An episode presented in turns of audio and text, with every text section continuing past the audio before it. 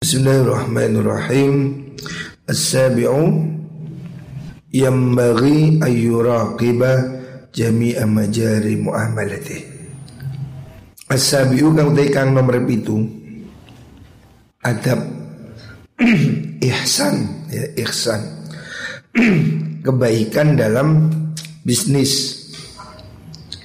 Etika. Ya. Yang ketujuh bagi sayukjo Opo ayuro kiba Yen to nginjen-nginjen sopo wong?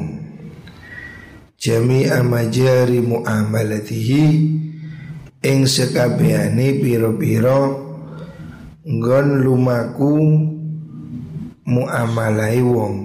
Maksudnya semua lini dari pekerjaan. Hendaknya diperhatikan semua hal yang berhubungan dengan pekerjaannya. Ma'akuli wahidin sertane saben-saben wong suci min muamilihi saking biro-biro wong kang mergawe ingman fa innahu Sedune wong utawa tajir iku muraqabun kang den teliti wa muhasabun lan den hisab. Fal yu'idda monggo becik nyiapaken sapa wong al jawaba ing jawaban liyaumil hisabi maring dinone den hisab wal iqabi lan den siksa den tatrapi ya fi kulli fi'latin ing dalem fi kau fi kulli boleh fi'lihi. Ing dalem sekabehane penggawene mengkono wong to tajir wa qaulihi lan ucapane mengkono tajir. Fa wa innahu lan setuhune mengkono mengkono hisab niku. Iku lima akdama alihi pertanyaannya besok lima krono opo? Akdama ngelakoni sopo wong? Aliha ing atase mengkono niku akmal utawa tijara wali ajli madha? Lan krono opo? Kamu akan ditanyai dari semua pekerjaanmu. Kenapa kamu melakukan hal ini? Alasannya apa? Ya.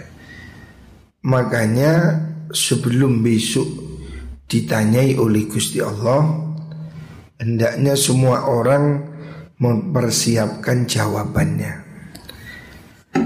Jangan sampai perbuatan ini besok tidak ada jawabannya. Perdagangan pekerjaan juga termasuk hal yang nanti ditanyakan oleh Gusti Allah. Fa innahu kelakuan iku yuqalu dan ucapaken. Apa innahu sunai kelakuan iku yuqafu dan dekaken. Sopo atajiru wong kang dagang yaumal qiyamati dalam dino kiamat ma'akulli rojulin sertane saben-saben wong lanang ba akang adol sopo tajir hu ing rojul syai'an ing suci-wici Besok pedagang ini akan dihadapkan dengan pembelinya. Apakah mereka dirugikan atau tidak? Fakila Beliau Wa yuhasabu Lanten hisab an kulli wahidin saking saben-saben wong suci muhasabatan muhasabatan kelawan perhitungan ada daman kelawan hitungane wong amalahu kang lakoni mergawi sopo tajir hu ingman pedagang itu besok akan dimintai pertanggungjawaban dari setiap transaksi. Kala dawu sama ba'dhum sebagian ulama. Itu ningali ingsun ba'dhu tujari ing sebagiane piro-piro wong dagang. Finnaumi ing dalam turu. Ada ulama yang mimpi ketemu dengan pedagang ya. Seorang pedagang yang sudah mati dalam waktu mimpi Fakultu ngucap ingsun Ma fa'alallahu bika? Ma ing opo fa'ala akan sinten Allah Gusti Allah? Bika kelawan siro ditanya kamu diperlakukan bagaimana setelah mati di akhirat? Tapi ini dialog dalam mimpi. Kala ngucap sebab ba'du tujar Nusyirat dan gelar. Alayya ingatasi ingsun apa hamsuna alfi sahifatin seket ewu lembaran catatan. Orang berdagang itu dihitung transaksinya ada catatannya. Jadi dia setelah mati dimimpikan oleh ulama kamu gimana di akhirat? Dia mengatakan saya ini dihadapkan dengan 50 ribu lembar catatan. Ya transaksi yang dia lakukan di dunia.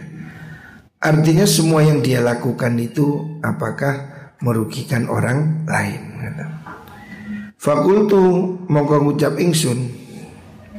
Ahadi utai ikila homsuna sofa Kulwas ngapain hadi iku dunubun piro-piro tuso Faqila dan ucapakan Hadhi utai kila homsuna alfi sofha Iku mu'amalatun nasi Piro-piro mu'amalai menungso Maksudnya catatan amal. Bi ada di kulli insanin Kelawan wilangani saben-saben menungso Amal tahu kang mergawi sirohu ingman fit dunia ing dalam dunyo. Jadi dia transaksi 50 ribu kali di dunia mendapatkan laporan catatan 50 ribu kali juga. Jadi maksudnya perdagangan ini diawasi oleh Gusti Allah. Kalau sampai dia itu curang, ya, maka orang yang dia curangi akan menuntut. Nah ini luar biasa ya Catatannya banyak sekali gitu.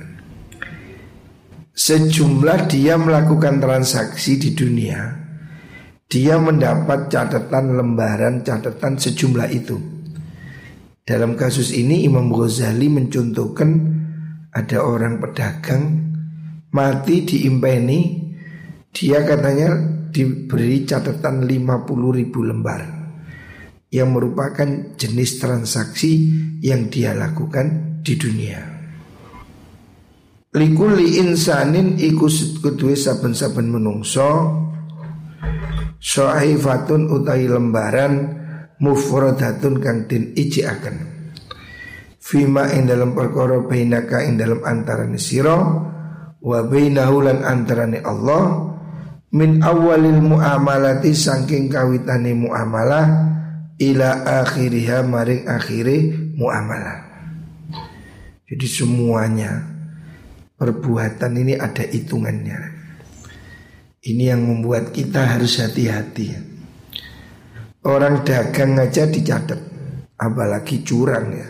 Dagang bener-bener itu ada catatannya. Jadi hidup kita ini semuanya ada catatan otomatis ya. Ini harus disadari supaya kita hati-hati. Wa bainahu lan antarane mengkono kuli insan min awalil muamalati saking kawitane muamalah penggawean niku ila akhiriha maring akhiri muamalah semua transaksi pekerjaan yang dilakukan itu besok dikeluarkan catatannya jujur dan tidak jujur tertulis di sana. Fahada utawi ikilah mengkono-mengkono niku wau hisab niku lah khamsina alfi sahifah iku ma perkara alal muktasibi kang tetep ing atase wong kang nyambut gawe fi amalihin dalam amali muktasib minal adli sangking gawe adil wal ihsani lan gawe bagus wasyafaqati lan welas ala dini ing atase agama orang yang sudah hati-hati itu aja masih mengalami kesulitan. Padahal dia sudah bekerja dengan adil Fa inikta soro mongko lamun ngring sapa wong alal adli ing atase adil. Kan kemarin dalam bab muamalah ini Imam Ghazali membagi beberapa tingkatan. Yang pertama dalam bisnis itu harus adil. Adil dalam arti tidak ada kecurangan, tidak menipu dan seterusnya ya. Tingkatan selanjutnya itu ihsan dalam muamalah yang disebut Imam Ghazali mulai awal sampai akhir itu mencakup tingkatan dasar adalah adil. Dalam jual beli harus adil, lurus. Bisnis apa pun dasarnya harus adil. Tidak ada kecurangan. Kemudian kalau dia sudah adil sesuai tuntunan, dia naik menjadi ihsan berbuat baik ya. Melebihi adil. Adil itu pokok. Ihsan ini tambahan. Kebaikan yang dia lakukan dalam perdagangan. Din. Dan menjaga agama ya. ini sudah bab terakhir dari etika muamalah. Siapa orang dalam tijarah dalam bisnis dia hanya mengambil yang pokok yaitu adil, jujur, maka dia sudah bagus. Tapi belum sampai ihsan. Jadi sama dengan ada Islam, iman, ada ihsan. Ihsan ini tingkatan yang lebih baik. Ya. Kalau orang itu dagang hanya jujur, pas, nggak kurang, nggak lebih, itu sudah bagus. Tapi kalau dia melebihi, memberi kemurahan, memberi kemudahan, itu namanya ihsan bisnis yang lebih baik ya. Fa ini nasara lamun ngring kesapa wong alal adli ingat se gawe adil karena mongko ana sapa wong iku minas solihina sanging golongane wong kang soleh. Kalau kamu mampu berbisnis secara adil saja Artinya lurus Tidak kurang tidak lebih ya Persis Adil Jujur sesuai aturan itu sudah bagus. Itu berarti kamu termasuk golongan orang yang soleh. Tapi wa in adhafa lamun nyandaraken sapa wong ilahi maring adil al ihsana ing bagus. Kalau kamu naikkan level bisnismu ke tingkatan ihsan ya. Kan Imam Ghazali memberi level level dasar itu adil ya. Ini yang tidak boleh ditawar Orang bisnis, orang bekerja harus adil, jujur, tidak nipu, tidak merugikan, tidak tidak berbuat jahat ya. Ini dasar. Ini adil namanya. Kalau kamu sudah begitu bisa naik ke ihsan ya. Ihsan itu tambahan kebaikan-kebaikan seperti memudahkan untuk orang miskin, memberi kelebihan, memudahkan pembayaran. Ya. Kalau kamu melakukan tambahan dari kejujuran itu kepada kebaikan, ya. karena mongko ono iku minal muqarrabin saking piro-piro wong kang den parakaken maring Gusti Allah ya. Jadi bisnis ini juga bisa membuat orang yang baik dalam bisnis itu mukorrobin tingkatannya tinggi ya. Orang dagang itu profesi yang bagus ya. 90% rezeki terdapat dalam perdagangan. 90% rezeki. Inna fit tijarah tis'atu asyari rizki Di dalam perdagangan ada 90% rezeki. Artinya cara jadi kaya paling gampang Itu dagang ya. Orang-orang kaya itu dagang. Dokter, profesor kalah.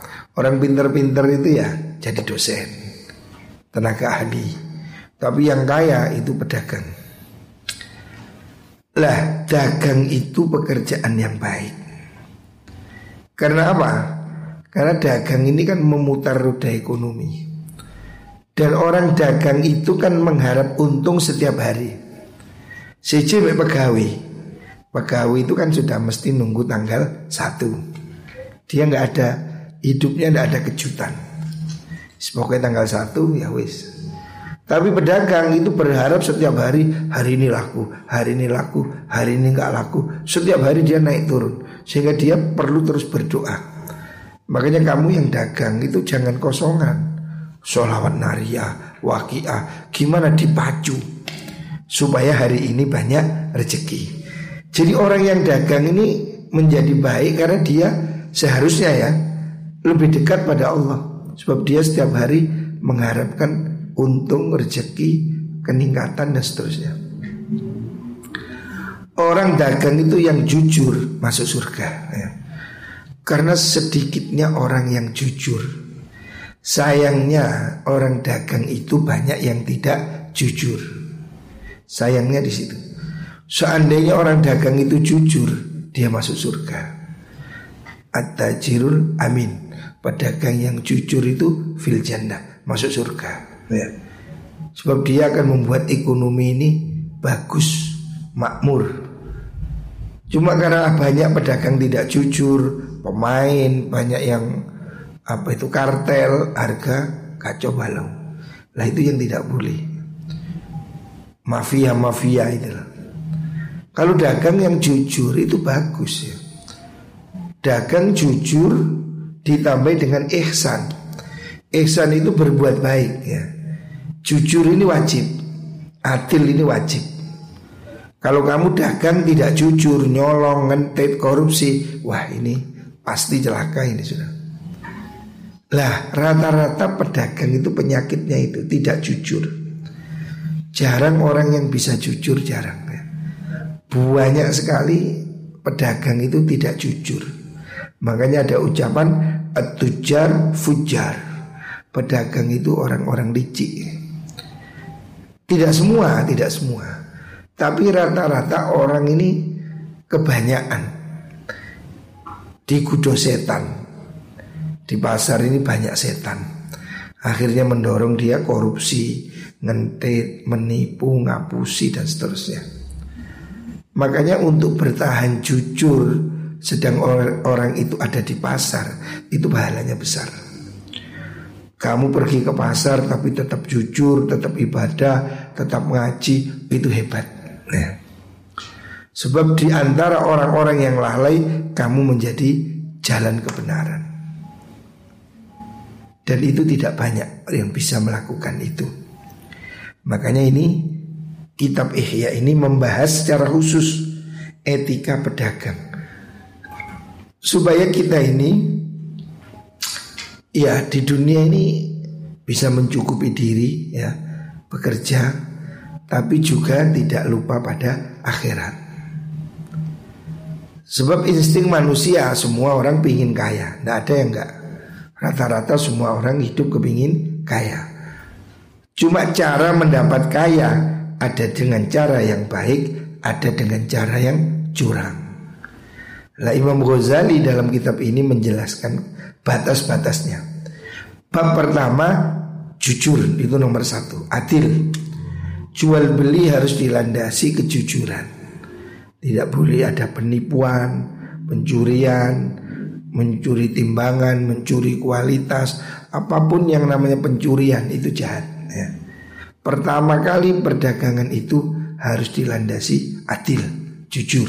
Ya. Itu wajib.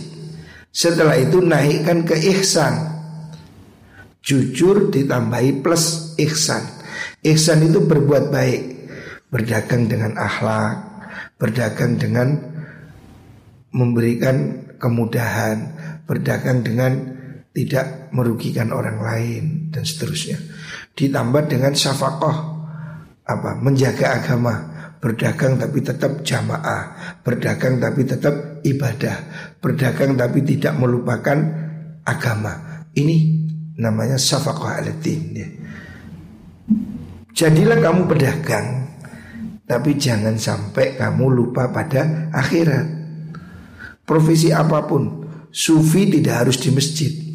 Kamu bisa jadi sufi di pasar Sufi di kantor Sufi di kebun ya. Di mana pun kamu tetap menjaga diri Beribadah, berzikir Di mana pun kamu berada. Sambil bekerja. Lah itulah tingkatan yang sudah masuk pada mukorrobin Kamu akan termasuk golongan orang-orang yang dekat pada Gusti Allah Fa'in ro'a lamun ngrekso sapa wong ma'adzalika satane mengkono-mengkono ihsan wa dhaifat dini ing pira-pira penggawe agama kalau kamu berdagang bisa melakukan kejujuran dan berbuat baik ada misi kemanusiaan di situ. Terus ditambah dengan kamu tidak melupakan ibadah. Kama kaya perkara dzukira kang den tutur apa ma fil babil khamisin dalam bab nomor 5 bab ini yang terakhir ini karena mengkono sepeman iku minas siddiqin saking golongan siddiqin ya. Ini tingkatan kekasih-kekasih Allah siddiqin ya. Orang-orang yang sungguh-sungguh menghamba pada Gusti Allah. Ya. Jadi ini bab yang hari ini terakhir ya dari adab bekerja. Begitu pentingnya bekerja dengan akhlak, bekerja dengan etika. Imam Ghazali membuat satu bahasan tersendiri dalam kitab Ihya ini. Khusus bahasan etika bekerja, cara bekerja yang benar ya. Artinya pekerjaan ini jenis dari ibadah. Kamu bekerja dengan baik itu berarti kamu beribadah. Pekerjaan ini bagian dari fardu kifayah. Tetapi kamu harus ingat bekerja di dunia haruslah ada misi untuk menanam di akhirat. Makanya jadilah pedagang atau pegawai atau profesi apa pun tetapi jangan lupa ibadah ya. Kesimpulannya itu. Wallahu a'lam. Tama kitabul kasbi wal ma'isha bihamdillah wa manni. Nah ini sudah selesai. Jadi hari ini ini pembahasan terakhir tentang masalah etika bekerja. Besok kita akan masuk bab kitabul halal wal haram. Pembahasan tentang keutamaan ya harta halal dan menjauhi harta yang haram ya. Ngaji besok ya Ini bab yang penting karena akan disebutkan tentang keutamaan bekerja yang halal dan menjauhi pekerjaan yang haram ya. Termasuk di situ syubhat. Bagaimana mengenali harta yang syubhat antara halal dan haram. Termasuk di situ nanti beberapa pembahasan yang penting tentang harta. Muka-muka kita bisa bekerja dengan baik, dengan ikhlas dan diberkahi Allah Subhanahu wa taala.